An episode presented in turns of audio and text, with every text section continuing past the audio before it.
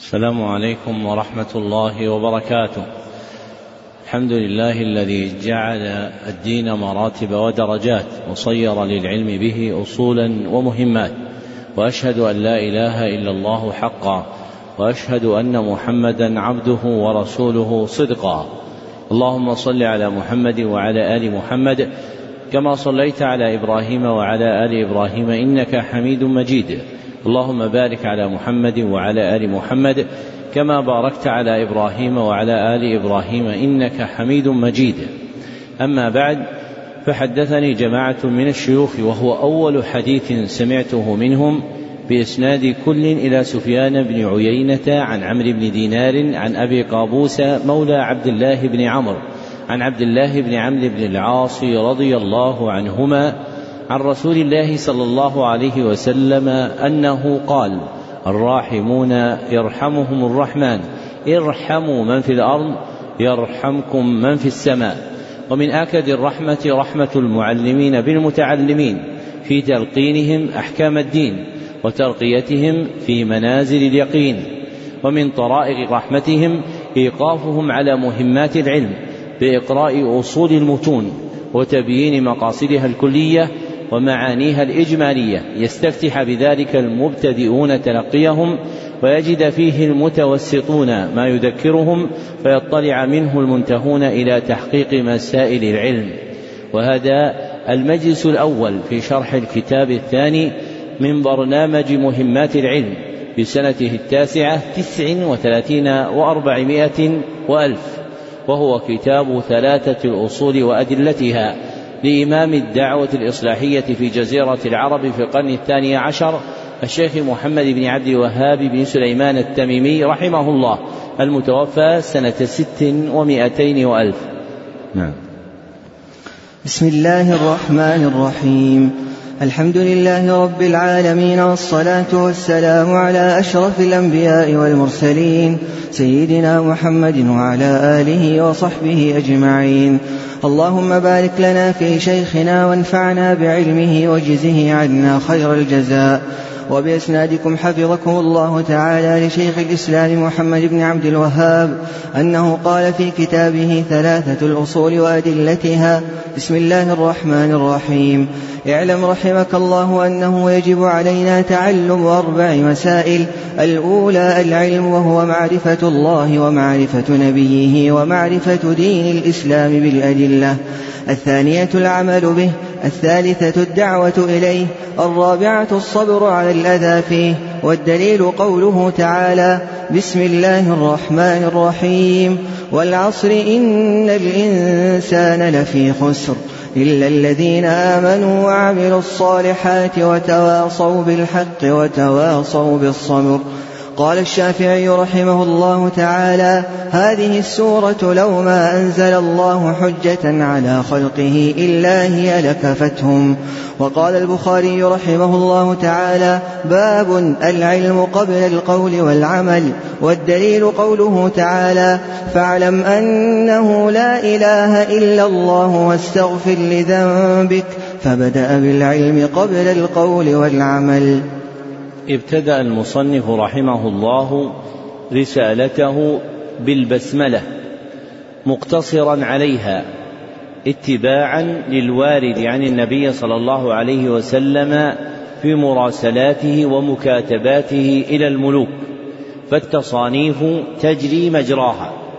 ثم ذكر أنه يجب علينا تعلم أربع مسائل الأولى العلم وهو شرعا إدراك خطاب الشرع وهو شرعا إدراك خطاب الشرع ومرده إلى المعارف الثلاث معرفة العبد ربه ودينه ونبيه صلى الله عليه وسلم والعلم المأمور به شرعا وفق ما ذكره المصنف له وصفان والعلم المأمور به شرعا وفق ما ذكره المصنف له وصفان.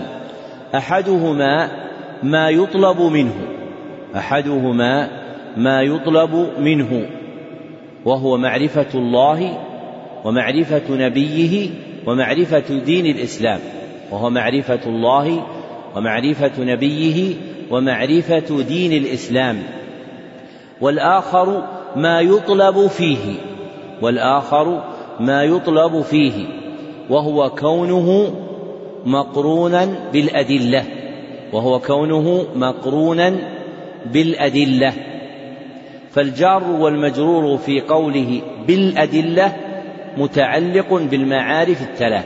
فالجار والمجرور في قوله بالأدلة متعلق بالمعارف الثلاث. فيطلب في معرفة العبد كونها مقرونة بالأدلة. والمراد بهذا القرن اعتقاد العبد اعتقادا صحيحا اعتقاد العبد اعتقادا صحيحا أن ما آمن به ربا ودينا ورسولا ثابت بأدلة شرعية. اعتقاد العبد أن ما آمن به ربا ودينا ورسولا ثابت بأدلة شرعية. فمتى وجدت هذه المعرفة؟ كانت مقرونة بأدلة وإن لم يستحضرها حينئذ وإن لم يستحضرها حينئذ. فيكفي عوام المسلمين اعتقادهم الصحيح بأن ما آمنوا به من رب ودين ورسول ثبتت الأدلة الشرعية في صحته. وهذه المعرفة هي المعرفة الإجمالية التي يؤمر بها الخلق كافة. وما فوق ذلك من تفاصيل المعرفة فإنه يختلف القدر الواجب منه باختلاف أحوال الناس. فالواجب على الحاكم والعالم والمفتي فوق ما يجب على غيرهم للأوصاف التي قامت بهم فاستدعت وجوب زيادة من المعرفة التفصيلية في حقهم. فالمعرفة المأمور بها شرعا نوعان. فالمعرفة المأمور بها شرعا نوعان. أحدهما المعرفة الإجمالية. المعرفة الإجمالية وهي معرفة أصول الشرع وكلياته معرفة أصول الشرع وكلياته وهي واجبة على كل أحد من الخلق. والآخر المعرفة التفصيلية وهي معرفة تفاصيل الشرع وجزئياته وهي معرفة تفاصيل الشرع وجزئياته. وهي واجبة على من قام به وصف شرعي استدعى تفاصيل المعرفة.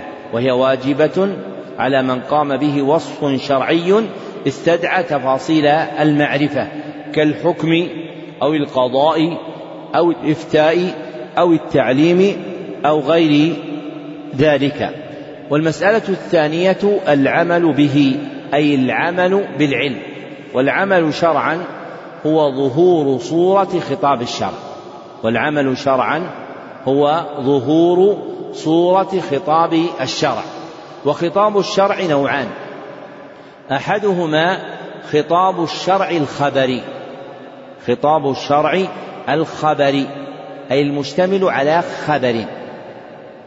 وظهور صورته بامتثال التصديق إثباتا ونفيا. وظهور صورته بامتثال التصديق إثباتا ونفيا. والآخر خطاب الشرع الطلبي أي الذي يتعلق به أمر ونهي. خطاب الشرع الطلبي الذي أي الذي يتعلق به أمر ونهي. وظهور صورته بامتثال الأمر والنهي بامتثال الأمر والنهي. واعتقاد حل الحلال واعتقاد حل الحلال. فقوله تعالى إن الساعة آتية لا ريب فيها. وقوله تعالى وما ربك بظلام للعبيد. هما من خطاب الشرع الخبري. فيكون العمل بهما بظهور صورته بامتثال التصديق إثباتا لقيام الساعة وإتيانها في الآية الأولى ونفيا للظلم عن الله في الآية الثانية. وأما قوله تعالى وأقيموا الصلاة وقوله تعالى ولا تقربوا الزنا وقوله تعالى أحل لكم صيد البحر وطعامه فهؤلاء من خطاب الشرع الطلبي. فظهور صورته في الأمر بامتثاله بالفعل فظهور صورته في الأمر بامتثاله بالفعل بإقامة الصلاة وظهور صورته في النهي بالكف والترك باجتناب الزنا بالكف والترك باجتناب الزنا وظهور صورته في الثالث باعتقاد حل الحلال بحل صيد البحر وطعامه. فخطاب الشرع كيفما دار لا يخرج عن هذين النوعين. ويكون العمل بخطاب الشرع حينئذ وفق ما يرجع إليه نوع الخطاب. ما يرجع إليه نوع الخطاب. فإن كان خبريا كان ظهور صورته بامتثال التصديق إثباتا أو نفيا وإذا كان طلبيا كان ظهور صورته بامتثال الأمر والنهي أو اعتقاد حل الحلال. والمسألة الثالثة الدعوة إليه أي إلى العلم. والمراد بها الدعوة إلى الله. والمراد بها الدعوة إلى الله. لأن مرد العلم شرعا هو إلى إيش؟ المعارف الثلاث. لأن مرد العلم شرعا هو إلى المعارف الثلاث. وعمودها معرفة الله فإنها المطلوبة أصلا. ومعرفة الدين والرسول صلى الله عليه وسلم تتبع معرفة الله سبحانه وتعالى. فمن دعا إلى العلم الذي جاء به الرسول صلى الله عليه وسلم فإنه يدعو إلى الله سبحانه وتعالى. والدعوة إلى الله شرعا هي طلب الناس كافة إلى اتباع سبيل الله على بصيرة. طلب الناس كافة إلى اتباع سبيل الله على بصيرة. والمسألة الرابعة الصبر على الأذى فيه أي في العلم تعلما وعملا ودعوة. والصبر شرعا حبس النفس على حكم الله. الصبر شرعا حبس النفس على حكم الله. وحكم الله نوعان. أحدهما حكم الله القدري ومحله الأقدار النازلة. حكم الله القدري ومحله الأقدار النازلة والآخر حكم الله الشرعي ومحله وحيه وخطابه ومحله وحيه وخطابه والمأمور به من الصبر هنا هو الصبر على الأذى فيه وهذا من الصبر على حكم الله القدري فإن الأذى من القدر وهذا من الصبر على حكم الله القدري فإن الأذى من القدر. ولما كان العلم مأمورا به شرعا صار الصبر فيه أيضا صبرا على حكم الله إيش؟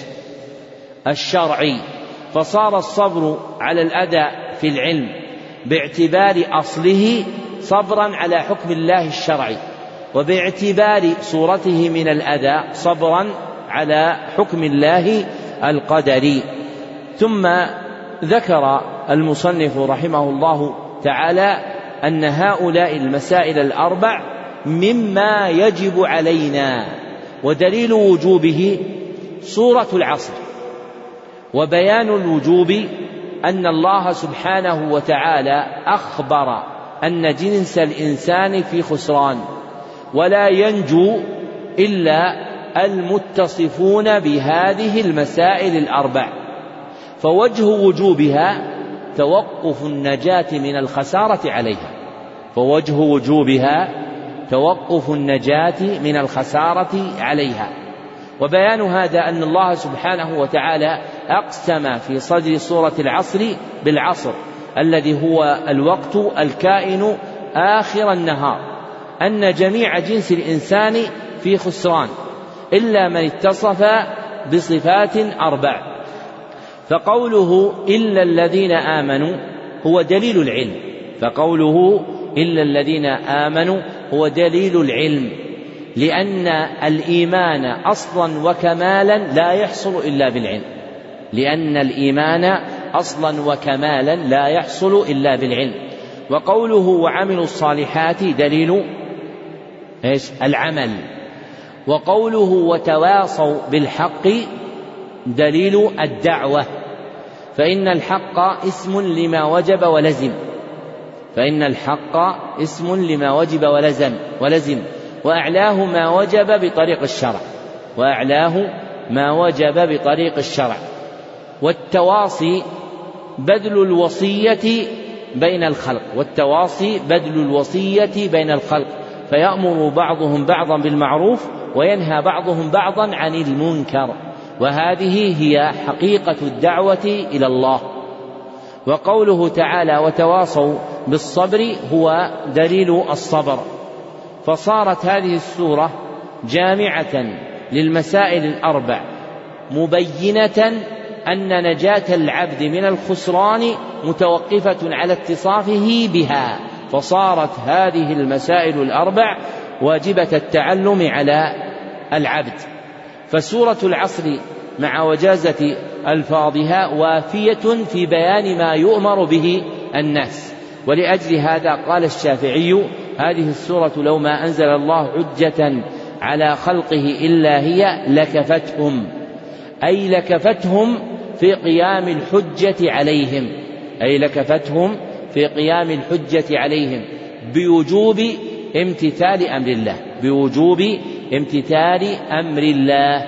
ذكره جماعة منهم ابن تيمية وعبد اللطيف ابن عبد الرحمن آل الشيخ وعبد العزيز ابن باز رحمهم الله. والمقدم من هذه المسائل الأربع هو العلم فهو أصلها الذي تنشأ منه وتتفرع عنه. فإذا وجد العلم المطلوب شرعا أمكن أن يوجد ما يطلب شرعا من العمل والدعوة والصبر.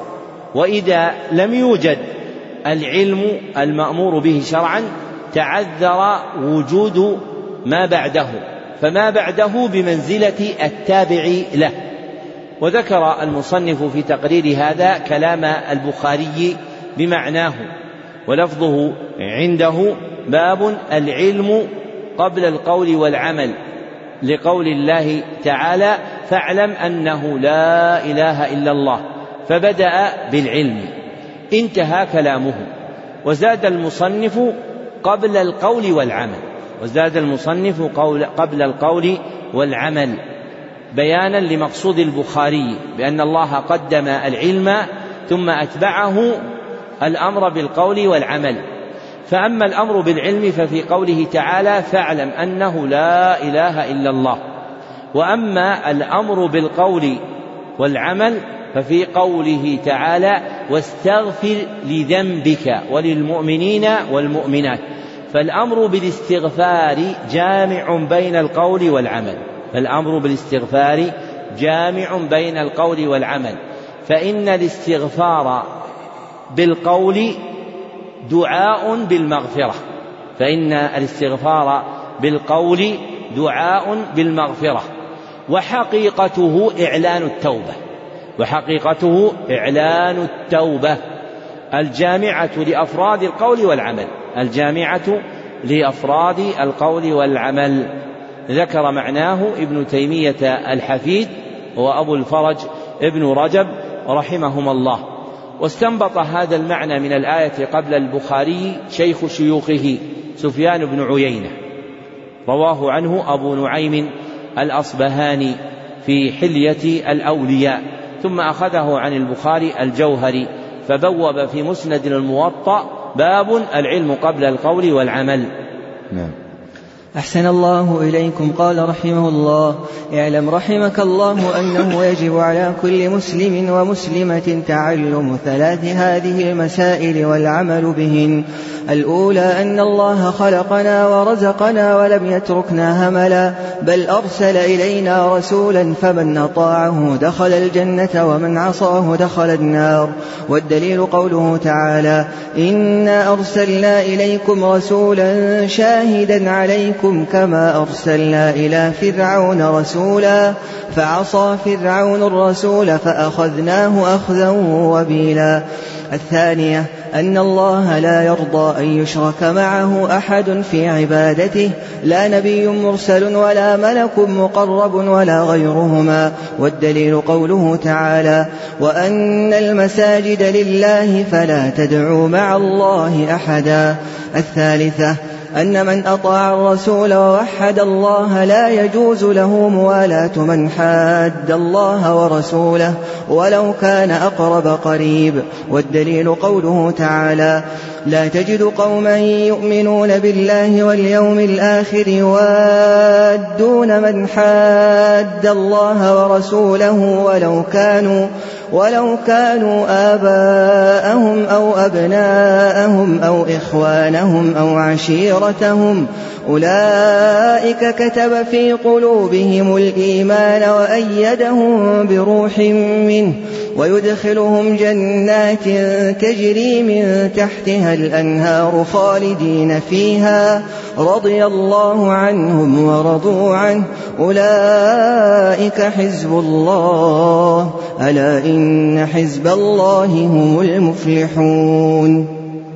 ذكر المصنف رحمه الله هنا ثلاث مسائل عظيمة يجب على كل مسلم ومسلمة تعلمهن والعمل بهن. فأما المسألة الأولى فمقصودها وجوب طاعة الرسول صلى الله عليه وسلم.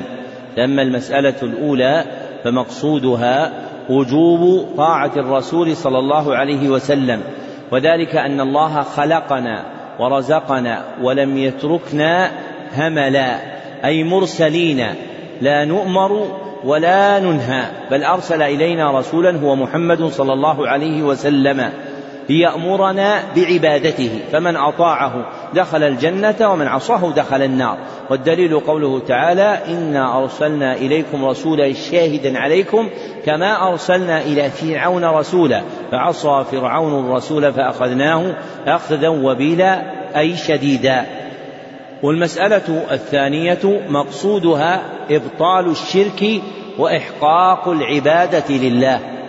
مقصودها إبطال الشرك وإحقاق العبادة لله. فإن الله لا يرضى أن يشرك معه أحد في عبادته لأن العبادة حقه وهو لا يرضى الشرك في حقه. فالنهي عن الشرك يستلزم الأمر بعبادته سبحانه وتعالى. والدليل قوله تعالى وأن المساجد لله فلا تدعوا مع الله أحدا. فالنهي عن دعاء غيره نهي عن عبادة غيره وأمر بعبادة الله. فمعنى قوله تعالى فلا تدعوا مع الله أحدا أي لا تعبدوا مع الله أحدا. فإن الدعاء يطلق في خطاب الشرع ويراد به العبادة. ومنه حديث النعمان عند أصحاب السنن أن النبي صلى الله عليه وسلم قال الدعاء هو العبادة. وإذا نهينا عن دعاء غير الله وعبادته وجب علينا أن نعبده سبحانه وتعالى وحده. وأما المسألة الثالثة فمقصودها بيان وجوب البراءة من المشركين لأن طاعة الرسول صلى الله عليه وسلم وعبادة الله وترك الشرك به وهما الأمران المذكوران في المسألتين الأولى والثانية لا يتحققان إلا مع البراءة من المشركين. فالمسألة الثالثة بمنزلة التابع اللازم للمسألتين الأوليين.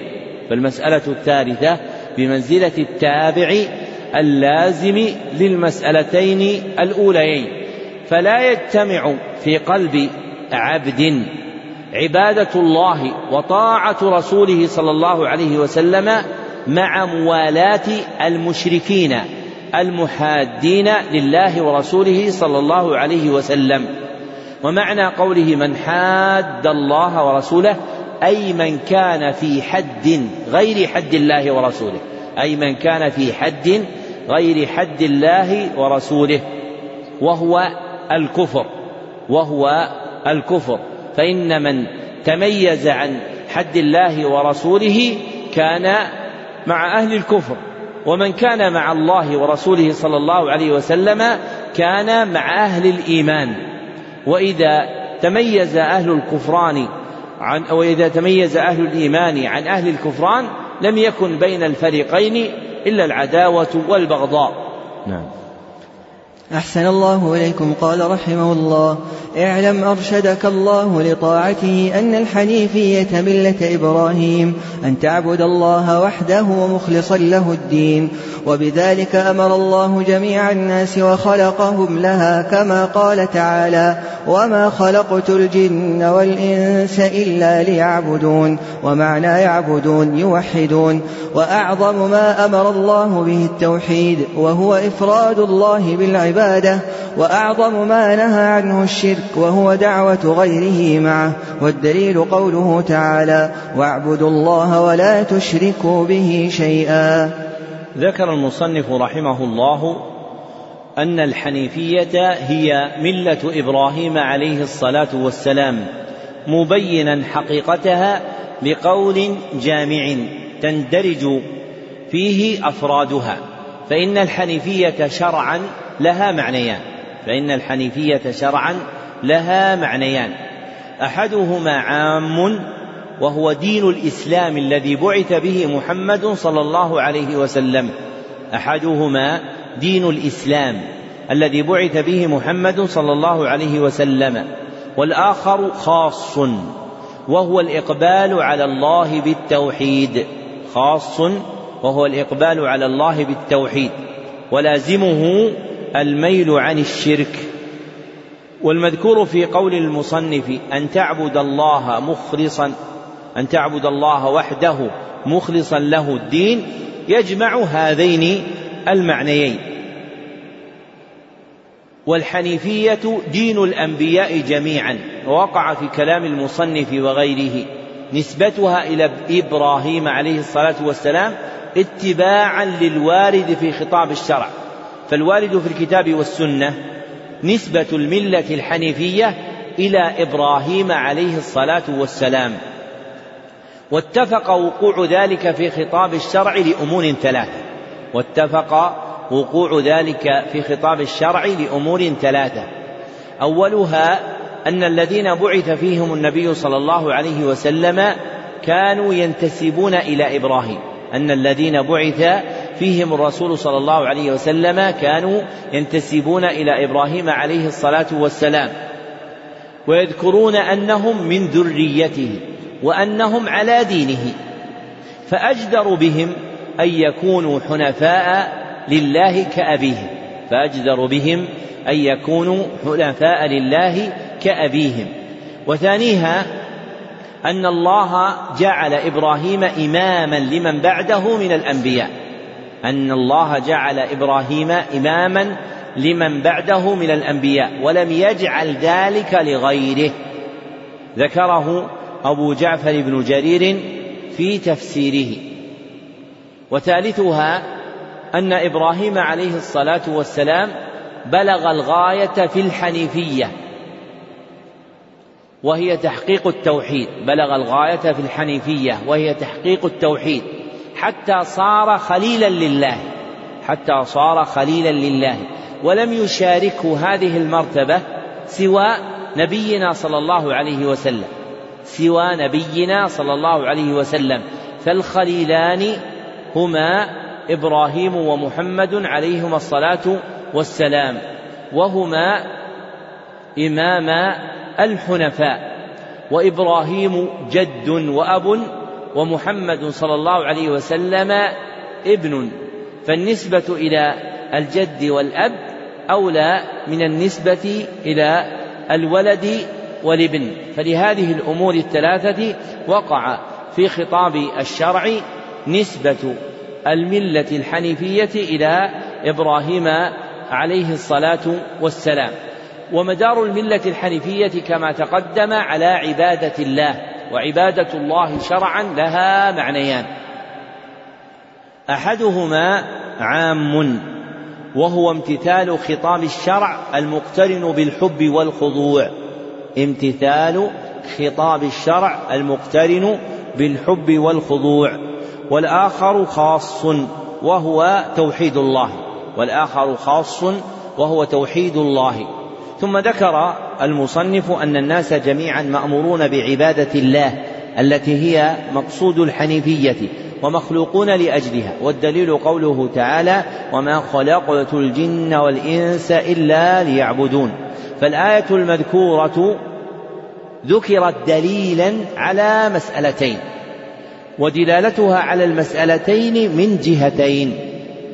إحداهما صريح نصها إحداهما صريح نصها وهو أن الله خلق الناس لعبادته وهو أن الله خلق الناس لعبادته. والأخرى لازم لفظها لازم لفظها وهو أنهم مأمورون بالعبادة وهو أنهم مأمورون بالعبادة. فإذا كانوا مخلوقين لأجلها اقتضى ذلك أمرهم بها. فإذا كانوا مخلوقين لأجلها اقتضى ذلك أمرهم بها. وفسر المصنف رحمه الله قوله يعبدون بقوله يوحدون. وله وجهان. أحدهما أنه من تفسير اللفظ بأخص أفراده وأعظمها. أنه من تفسير اللفظ بأخص أفراده وأعظمها. فأعظم العبادة إيش؟ توحيد الله. فأعظم العبادة توحيد الله. والآخر أنه من تفسير اللفظ بما وضع له شرعا. أنه من تفسير اللفظ بما وضع له شرعا. فاسم العبادة إذا أطلق في الشرع أريدت به أريد فلفظ العبادة إذا أطلق في الشرع أريد به التوحيد. فلفظ العبادة إذا أطلق في الشرع أريد به التوحيد. قال ابن عباس رضي الله عنهما كل ما ورد في القرآن من العبادة فمعناه التوحيد. كل ما ورد في القرآن من العبادة فمعناه التوحيد. ذكره البغوي في تفسيره. ذكره البغوي في تفسيره. أي كقوله تعالى في أول أمر في القرآن أي في المصحف يا أيها الناس اعبدوا ربكم. فمعنى اعبدوا ربكم إيش؟ وحدوه. قاله ابن عباس رواه ابن أبي حاتم وغيره. فالعبادة إذا أطلقت في خطاب الشرع قرآنا وسنة المراد بها توحيد الله عز وجل. ثم ذكر المصنف أن أعظم ما أمر الله به هو التوحيد وأن أعظم ما نهى عنه هو الشرك. والتوحيد له معنيان. أحدهما عام وهو إفراد الله بحقه. أحدهما عام وهو إفراد الله بحقه. وحق الله نوعان حق في المعرفة والإثبات وحق في الإرادة والطلب. وحق الله نوعان حق في المعرفة والإثبات وحق في الإرادة والطلب. وينشأ من هذين الحقين أن أنواع التوحيد ثلاثة وينشأ من هذين الحقين أن أنواع التوحيد ثلاثة ربوبية وألوهية وأسماء وصفات ربوبية وألوهية وأسماء وصفات والآخر خاص وهو إفراد الله بالعبادة والآخر خاص وهو إفراد الله بالعبادة والمعنى الثاني هو المعهود شرعا. فإذا أطلق اسم التوحيد في خطاب الشرع فالمراد به إفراده سبحانه بعبادته. كحديث جابر عند مسلم. من حديث جعفر عن محمد بن علي عن جابر في ذكر صفة حج النبي صلى الله عليه وسلم. أنه قال فأهل يعني النبي صلى الله عليه وسلم بالتوحيد. فأهل بالتوحيد. وكان إهلاله هو قوله إيش؟ لبيك اللهم لبيك لبيك لا شريك لك. إلى تمام التلبية المتعلقة بتوحيد أي نوع؟ بتوحيد العبادة الذي هو المعنى الخاص إذا أطلق اسم التوحيد في الكتاب والسنة. والشرك يطلق في الشرع على معنيين. والشرك يطلق في الشرع على معنيين. أحدهما عام وهو جعل شيء من حق الله لغيره. جعل شيء من حق الله لغيره. والآخر خاص وهو جعل شيء من العبادة لغير الله. جعل شيء من العبادة لغير الله. والمعنى الثاني هو المعهود شرعا. فإذا أطلق اسم الشرك في القرآن والسنة فالمراد به شرك إيش؟ شرك العبادة. وقد ذكر المصنف فيما سبق أن أعظم ما أمر الله به هو التوحيد وأن أعظم ما نهى عنه هو الشرك. وذكر الدليل قول الله تعالى واعبدوا الله ولا تشركوا به شيئا فما وجه الدليل على ما ذكر؟ ما الجواب؟ كيف هذه الآية تدل على ما ذكره؟ نعم. فاعبدوا الله واعبدوا الله توحيد. ولا تشركوا به شيئا نهي عن الشرك كله أكبره وأصغره. لكن هذا ليس الذي قاله. هو قال إيش؟ وأعظم ما أمر الله بالتوحيد فدلالة الآية هنا على إيش؟ على الأعظمية في الأمر والنهي. ليست على الأمر والنهي على الأعظمية. فكيف تكون هذه الآية دليلا على الأعظمية؟ هيا وائل. أيوة. أحسن ووجه ذلك أن هذه الجملة قطعة من آية الحقوق العشرة التي ذكر الله عز وجل فيها حقوقا عظيمة من الأمر والنهي. فابتدأها بقوله واعبدوا الله ولا تشركوا به شيئا. الآية. فصارت دلالتها من وجهين. أحدهما في تقديم الأمر بالتوحيد والنهي عن الشرك على ما بعده من الأمر والنهي في تقديم الأمر بالتوحيد والنهي عن الشرك على ما بعده من الأمر والنهي. وإنما يقدم المقدم وإنما يقدم المقدم. فأعظم المأمورات الأمر بالتوحيد وأعظم المنهيات النهي عن الشرك. وثانيها أن الله جعل بقية الأوامر والنواهي تابعة لهما أن الله جعل بقية الأوامر والنواهي تابعة لهما فهي معطوفة عليهما فهي معطوفة عليهما والأصل مقدم على غيره والتابع دون رتبته فالأمر بالتوحيد أعظم من كل أمر والنهي عن الشرك أعظم من كل نهي فهذا وجه استدلال المصنف بهذه الآية على الأعظمية وليس على الأمر بالتوحيد والنهي عن الشرك. نعم. أحسن الله إليكم. قال رحمه الله فإذا قيل لك ما الأصول الثلاثة التي يجب على الإنسان معرفتها فقل معرفة العبد ربه ودينه ونبيه محمدا صلى الله عليه وسلم. لما بين المصنف رحمه الله أن جميع الناس مخلوقون للعبادة ومأمورون بها ذكر أنه يجب على الإنسان معرفة أصول ثلاثة هي معرفة العبد ربه ودينه ونبيه صلى الله عليه وسلم لأن إقامة العبادة المأمور بها متوقف على ثلاثة أصول لأن إقامة العبادة المأمور بها متوقف على ثلاثة أصول. أولها معرفة المعبود الذي تجعل له العبادة. معرفة المعبود الذي تجعل له العبادة. وثانيها معرفة المبلغ عنه. معرفة المبلغ عنه. وثالثها معرفة صفة عبادته.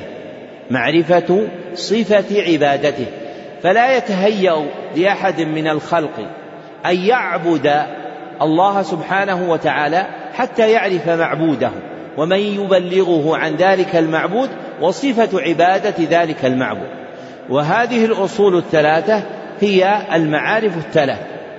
فالأصل الأول وهو معرفة المعبود تتعلق به معرفة من؟ معرفة الله. والأصل الثاني وهو معرفة المبلغ عن المعبود تتعلق به معرفة الرسول صلى الله عليه وسلم. والأصل الثالث وهو معرفة صفة عبادة الله تتعلق به معرفة دين الإسلام. فإن دين الإسلام هو صفة عبادتنا الله سبحانه وتعالى. فكل آية أو حديث اشتمل على الأمر بالعبادة فهما يدلان على هذه الأصول الثلاثة. فلو قال قائل ما دليل ما ذكرتم أن الأصول التي تجب علينا ثلاثة هي معرفة العبد ربه ودينه ونبيه صلى الله عليه وسلم. فالجواب أن الله قال في صدر سورة البقرة في أول أمر في المصحف يا أيها الناس اعبدوا ربكم فأمرنا بالعبادة. ولا يحصل القيام بالعبادة إلا بمعرفة المعبود. وهذه معرفة الله وبمعرفة المبلغ عنه وهذه معرفة الرسول صلى الله عليه وسلم ومعرفة صفة عبادته وهذه معرفة دين الإسلام. نعم. أحسن الله إليكم قال رحمه الله فإذا قيل لك من ربك فقل ربي الله الذي رباني وربى جميع العالمين بنعمته وهو معبودي ليس لي معبود سواه والدليل قوله تعالى الحمد لله رب العالمين وكل من سوى الله عالم وأنا واحد من ذلك العالم فإذا قيل لك بما عرفت ربك فقل بآياته ومخلوقاته ومن آياته الليل والنهار والشمس والقمر ومن مخلوقاته السماوات السبع ومن فيهن والأرضون السبع ومن فيهن وما بينهما والدليل قوله تعالى لخلق السماوات والأرض أكبر من خلق الناس وقوله تعالى ومن آياته الليل والنهار والشمس والقمر لا تسجدوا للشمس ولا للقمر واسجدوا لله الذي خلقهن إن كنتم إياه تعبدون وقوله تعالى إن ربكم الله الذي خلق السماوات والأرض في ستة أيام ثم استوى على العرش. يغشي الليل النهار يطلبه حثيثا والشمس والقمر والنجوم مسخرات بأمره. ألا له الخلق والأمر. تبارك الله رب العالمين. والرب هو المعبود. والدليل قوله تعالى يا أيها الناس اعبدوا ربكم الذي خلقكم والذين من قبلكم لعلكم تتقون. الذي جعل لكم الأرض فراشا والسماء بناء وأنزل من السماء ماء فأخرج به فأخرج به من الثمرات رزقا لكم. فلا تجعلوا لله أندادا وأنتم تعلمون. قال ابن كثير رحمه الله تعالى الخالق لهذه الأشياء هو المستحق للعبادة. لما بين المصنف رحمه الله وجوب معرفة الأصول الثلاثة علينا شرع يبين تلك الأصول أصلا أصلا وابتدأ ذلك ببيان الأصل الأول وهو معرفة العبد ربه. واختار المصنف طريقا من طرق البيان النبوي وهو إيراد السؤال والجواب فجعل بيان الأصل الأول معلقا بهذه الصفة من البيان النبوي موردا سؤالا ومتبعا له بجوابه. فقال فإذا قيل لك من ربك فقل ربي الله الذي رباني إلى آخره. فالرب هو الله وتربيته سبحانه وتعالى خلقه هي من ربوبيته فإنه ربى خلقه بأنواع النعم الظاهرة والباطنة فصارت له الربوبية عليهم.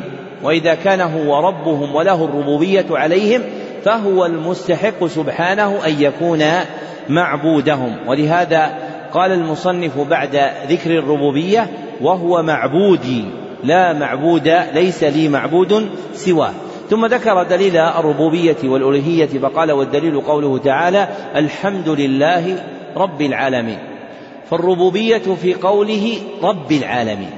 فالربوبية في قوله رب العالمين. والألوهية في قوله الحمد لله. فالحمد له لأنه المألوه المستحق للعبادة. فالحمد له لأنه المألوه المستحق للعبادة. ومن معرفة الله سبحانه وتعالى قدر واجب على كل أحد من الخلق يرجع إلى أربعة أصول. ومن معرفة الله تعالى قدر واجب على كل أحد من الخلق يرجع إلى أربعة أصول. أولها معرفة وجوده فيؤمن العبد أنه موجود. معرفة وجوده فيؤمن العبد أنه موجود. وثانيها معرفة ربوبيته فيؤمن العبد أن الله رب كل شيء. فيؤمن العبد أن الله رب كل شيء. وثالثها معرفة ألوهيته. فيؤمن العبد أن الله وحده هو الذي يعبد بحق. فيؤمن العبد أن الله وحده هو الذي يعبد بحق. ورابعها معرفة أسمائه وصفاته. فيؤمن العبد بأن لله أسماء حسنى وصفات علا. فيؤمن العبد بأن لله أسماء حسنى وصفات علا. ثم كشف المصنف عن الدليل المرشد إلى معرفة الرب عز وجل وهو شيئان. أحدهما التفكر في آياته الكونية. ثم كشف المصنف عن الدليل المرشد إلى معرفة الله عز وجل وهو شيئان. أحدهما التفكر في آياته الكونية والآخر التدبر في آياته الشرعية والآخر التدبر في آياته الشرعية. وهما مذكوران في قول المصنف بآياته. وهما مذكوران في قول المصنف بآياته لأن آيات الله نوعان. لأن آيات الله نوعان. أحدهما آيات كونية وهي المخلوقات. أحدهما آيات كونية وهي المخلوقات. والآخر آيات شرعية وهو ما أنزله من الوحي على أنبيائه آيات شرعية وهو ما أنزله من الوحي على أنبيائه. فيكون قول المصنف ومخلوقاته بعد قوله بآياته من عطف الخاص على العام. فيكون قول المصنف ومخلوقاته بعد قوله بآياته من عطف الخاص على العام. فإن المخلوقات فرد من أفراد آيات الله وتختص بالآيات الكونية. وذكر المصنف رحمه الله آيات تدل على حصول المعرفة بالله سبحانه وتعالى بالتدبر في الآيات الكونية. ووجه تخصيصها بالذكر أمران. ووجه تخصيصها بالذكر أمران. أحدهما أن دلالة الآيات الكونية على الربوبية أظهر وأجلى أن دلالة الآيات الكونية على الربوبية أظهر وأجلى فإن معرفة العبد بالله إذا نظر إلى هذه الآيات ظاهرة. فالناس مؤمنهم وكافرهم يقرون بأن هذا الكون له مكون وأن هذا الكون مدبر. آمن به من آمن وكفر به من كفر. والآخر عموم معرفة الآيات الكونية فيشترك فيها الخلق كافة. عموم معرفة الآيات الكونية فيشترك فيها الخلق كافة بخلاف الآيات الشرعية فقد يحيط بها بعض دون بعض. فاقتصر المصنف على آيات من القرآن اشتملت على الآيات الكونية للأمرين المذكورين. ويمكن أن يقال إن المصنف ذكر الآيات الشرعية والكونية معا فإنه ذكر الآيات الشرعية بما أورد من آيات القرآن. فإنه ذكر الآيات الشرعية بما ذكر من آيات القرآن. وذكر الآيات الكونية بما في تلك الآيات القرآنية من المعنى. وذكر الآيات الكونية بما في تلك الآيات القرآنية من المعنى. وذكر المصنف أن من آيات الله الليل والنهار والشمس والقمر وأن من مخلوقاته السماوات السبع ومن فيهن والأراضين السبع ومن فيهن وما بينهما. وهؤلاء المذكورات الليل والنهار والشمس والقمر والسماوات والأرض كلهن مخلوقات لله عز وجل. وهن آيات أيضا. وفرق المصنف بينهما اتباعا لأكثر الوارد في القرآن. اتباعا لأكثر الوارد في القرآن. فإنه إذا ذكر الليل والنهار والشمس والقمر فأكثر ما يجعل لهن من الاسم هو اسم الآية. وإذا ذكرت السماوات والأرض فأكثر ما يجعل لهن من الاسم هو اسم الخلق. واتفق وقوع ذلك في القرآن ملاحظة للمعنى اللغوي. واتفق وقوع ذلك في القرآن ملاحظة للمعنى اللغوي. فالآية في اللغة هي العلامة. فالآية في اللغة هي العلامة. وظهور هذا في الليل والنهار والشمس والقمر جلي. فإنهن آيات وعلامات واضحات. وأما الخلق فإنه في اللغة التقدير. وأما الخلق فإنه في اللغة التقدير. وظهور هذا في السماوات والأرض جري فإن السماوات والأرض مقدرتان على صورهما التي خلقا عليها. لا يتغيران في حال من الأحوال ففرق بينهما في كلام المصنف اتباعا للسياق القرآني. ولوحظ هذا في السياق القرآني مراعاة للمعنى اللغوي. وذكر المصنف رحمه الله من القرآن على الآيات والمخلوقات ثلاث آيات أولاها قوله تعالى لخلق السماوات والأرض أكبر من خلق الناس وثانيها قوله تعالى ومن آياته الليل والنهار والشمس والقمر الآية وثالثها قوله تعالى إن ربكم الله الذي خلق السماوات والأرض إلى تمام الآية. ثم بين المصنف أن الرب هو المستحق للعبادة بعد ذكره الدليل المرشد إلى معرفته عز وجل. فمعنى قول المصنف والرب هو المعبود أي الرب هو المستحق أن يكون معبودا. أي الرب هو المستحق أن يكون معبودا. ووجه استحقاقه هو ربوبيته. فإن الله أمر بعبادته. فقال يا أيها الناس اعبدوا ربكم أمرا بعبادته. ثم بين موجبها وهو توحيد الربوبية بقوله الذي خلقكم والذين من قبلكم الآية والآيتين بعدها. فمقصود المصنف هنا بيان استحقاق الله العبادة لما له من الربوبية. بيان استحقاق الله العبادة لما له من الربوبية. نعم. أحسن الله إليكم قال رحمه الله. وأنواع العبادة التي أمر الله بها مثل الإسلام والإيمان والإحسان ومنه الدعاء والخوف والرجاء والتوكل والرغبة والرهبة والخشوع والخشية والإنابة والاستعانة والاستعاذة والاستغاثة والذبح والنذر.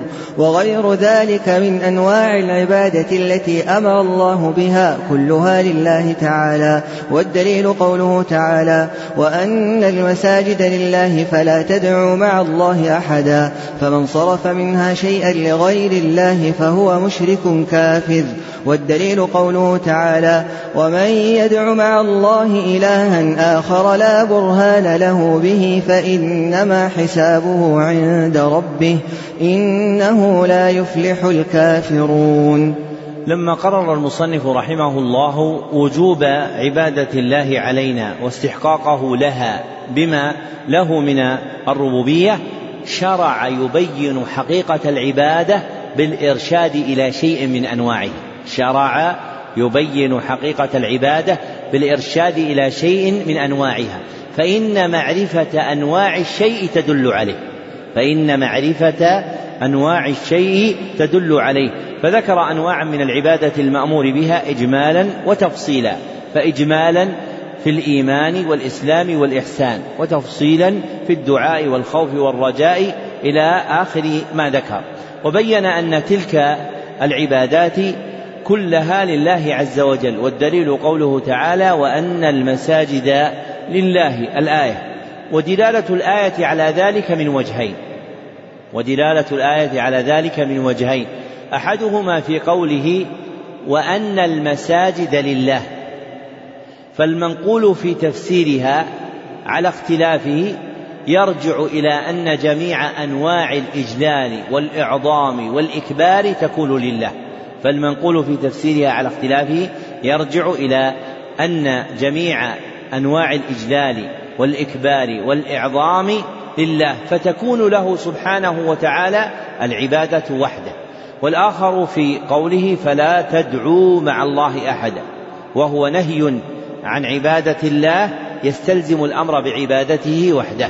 وهو نهي عن عبادة غير الله يستلزم الأمر بعبادته وحده. فمعنى قوله فلا تدعوا مع الله أحدا كما تقدم أي فلا تعبدوا. مع الله أحدا فالدعاء هو العبادة والنهي عن عبادة غيره يستلزم الأمر بعبادته سبحانه وتعالى. ثم ذكر المصنف أن من صرف شيئا من العبادات لغير الله فهو مشرك كافر واستدل بآية المؤمنون ووجه الدلالة منها مركب من أمرين أحدهما ذكر فعل متوعد عليه ذكر فعل متوعد عليه في قوله ومن يدع مع الله إلها آخر لا برهان له به. والفعل المذكور هو عبادة غير الله سبحانه وتعالى. ومعنى لا برهان له به أي لا حجة له عليه. أي لا حجة له عليه. وهذا وصف كاشف. فكل معبود سوى الله لا دليل على عبادته. فكل معبود سوى الله لا دليل على عبادته. والآخر تهديده بالحساب مع بيان المآل تهديده بالحساب مع بيان المآل في قوله فإنما حسابه عند ربه إنه لا يفلح الكافرون. فتوعد بالحساب تهديدا له وبين مآله بقوله لا يفلح الكافرون. فمن جعل شيئا من العبادة لغير الله فهو مشرك كافر. والكفر يكون بالشرك وغيره. والكفر يكون بالشرك وغيره. فالكفر أعم من الشرك. نعم.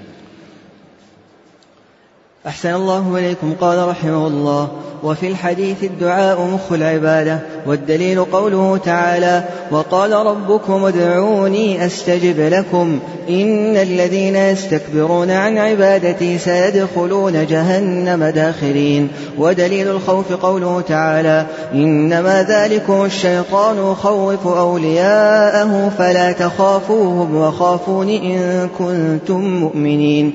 ودليل الرجاء قوله تعالى فمن كان يرجو لقاء ربه فليعمل عملا صالحا ولا يشرك بعبادة ربه أحدا. ودليل التوكل قوله تعالى وعلى الله فتوكلوا إن كنتم مؤمنين. وقوله تعالى ومن يتوكل على الله فهو حسبه. ودليل الرغبة والرهبة والخشوع قوله تعالى إنهم كانوا يسارعون في الخيرات ويدعوننا رغبا ورهبا وكانوا لنا خاشعين. ودليل الخشية قوله تعالى فلا تخشوهم واخشوني. ودليل الإنابة قوله تعالى وأنيبوا إلى ربكم وأسلموا له الآية ودليل الاستعانة قوله تعالى إياك نعبد وإياك نستعين. وفي الحديث إذا استعنت فاستعن بالله. ودليل الاستعاذة قوله تعالى قل أعوذ برب الفلق. وقوله تعالى قل أعوذ برب الناس ودليل الاستغاثة قوله تعالى إذ تستغيثون ربكم فاستجاب لكم ودليل الذبح قوله تعالى قل إن صلاتي ونسكي ومحياي ومماتي لله رب العالمين لا شريك له ومن السنة قوله صلى الله عليه وسلم لعن الله من ذبح لغير الله ودليل النذر قوله تعالى يوفون بالنذر ويخافون يوما كان شره مستطيرا. شرع المصنف رحمه الله يورد أنواعا من العبادة فذكر أربع عشرة عبادة مقرونة بأدلتها فكل عبادة من هذه العبادات معها دليل يدل على كونها عبادة لله ومجموع الأدلة ستة عشر دليلا أربع عشرة آية وحديثان. أحدهما حديث إذا استعنت فاستعن بالله رواه الترمذي وإسناده حسن والآخر حديث لعن الله من ذبح لغير الله رواه مسلم.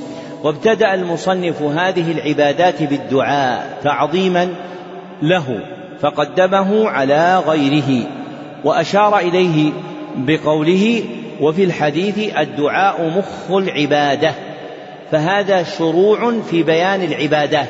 واختار الدلالة على عبادة الدعاء بحديث تعظيما لقدره فتقدير الكلام ودليل الدعاء قوله تعالى ثم ذكر الآية التي بعده. والعبادة الأولى من هذه العبادات الأربع عشرة هي الدعاء كما تقدم ودعاء الله شرعا له معنيان. أحدهما عام. وهو امتثال خطاب الشرع المقترن بالحب والخضوع. وهو امتثال خطاب الشرع المقترن بالحب والخضوع. فيشمل جميع أنواع العبادة ويسمى دعاء العبادة ويسمى دعاء العبادة. والآخر خاص وهو طلب العبد من ربه حصول ما ينفعه ودوامه. وهو طلب العبد من ربه حصول ما ينفعه ودوامه أو دفع ما يضره ورفعه أو دفع ما يضره أو دفع ما يضره ورفعه. ويسمى دعاء إيش؟ المسألة. والعبادة الثانية هي الخوف. وخوف الله شرعا هو فرار القلب إلى الله ذعرا وفزعا فرار القلب إلى الله فزعا وذعرا فزعا وذعرا. والعبادة الثالثة هي الرجاء. ورجاء الله شرعا هو أمل العبد بربه في حصول المقصود. أمل العبد بربه في حصول المقصود مع بذل الجهد وحسن التوكل. مع بذل الجهد وحسن التوكل. والعبادة الرابعة هي التوكل. والتوكل على الله شرعا هو إظهار العبد عجزه لله واعتماده عليه. إظهار العبد عجزه لله واعتماده عليه. والعبادة الخامسة هي الرغبة والعبادة السادسة هي الرهبة والعبادة السابعة هي الخشوع. وقرن المصنف بينهن لاشتراكهن في الدليل. والرغبة إلى الله شرعا هي إرادة مرضاة الله في الوصول إلى المقصود. إرادة مرضاة الله في الوصول إلى المقصود محبة له ورجاء. والرهبة من الله شرعا هي فرار القلب إلى الله ذعرا وفزعا مع عمل ما يرضيه.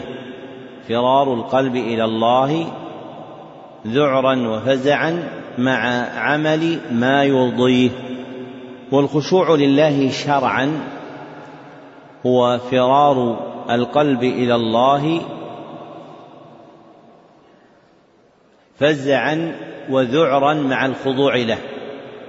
فرار القلب إلى الله فزعا وذعرا مع الخضوع له. وتقديم الفزع على الذعر باعتبار أنه مقدمة هذه العبادات. ففي الخوف وما يتعلق به يفزع العبد اولا ثم يصيبه الذعر ثانيا. والعبادة الثامنة هي الخشية. والخشية لله شرعا هي فرار القلب إلى الله. هي فرار القلب إلى الله فزعا وذعرا مع العلم بالله وأمره. فرار القلب إلى الله فزعا وذعرا مع العلم بالله وأمره. وهؤلاء العبادات اللاتي تقدمت الخوف والرهبة والخشية والخشوع يشتركن في أصل كلي ثم يختلفن في أوصاف تختلف بها حقائقهن. وهذا مما يدل على أهمية معرفة حقائق هذه العبادات. فكيف يخاف العبد أو يرهب أو يخشى أو يخشع وهو لا يعرف حقيقة هذه العبادة كما أنه لا يمكن أن يتوضأ أو يغتسل أو يتيمم وهو لا يعرف حقيقة كل واحدة من هذه العبادات. لكن عظم عند الناس العناية بالعبادات الظاهرة فتعرفوا حدودها وحقائقها. وضعفت عندهم العبادات الباطنة فأهملوا حدودها وحقائقها. والعبادة التاسعة هي الإنابة. والإنابة إلى الله شرعا هي رجوع القلب إلى الله محبة وخوفا ورجاء. رجوع القلب إلى الله محبة وخوفا ورجاء. وهذا آخر البيان على هذه الجملة من الكتاب ونستكمل بقيته بعد صلاة العشاء بإذن الله تعالى والحمد لله رب العالمين.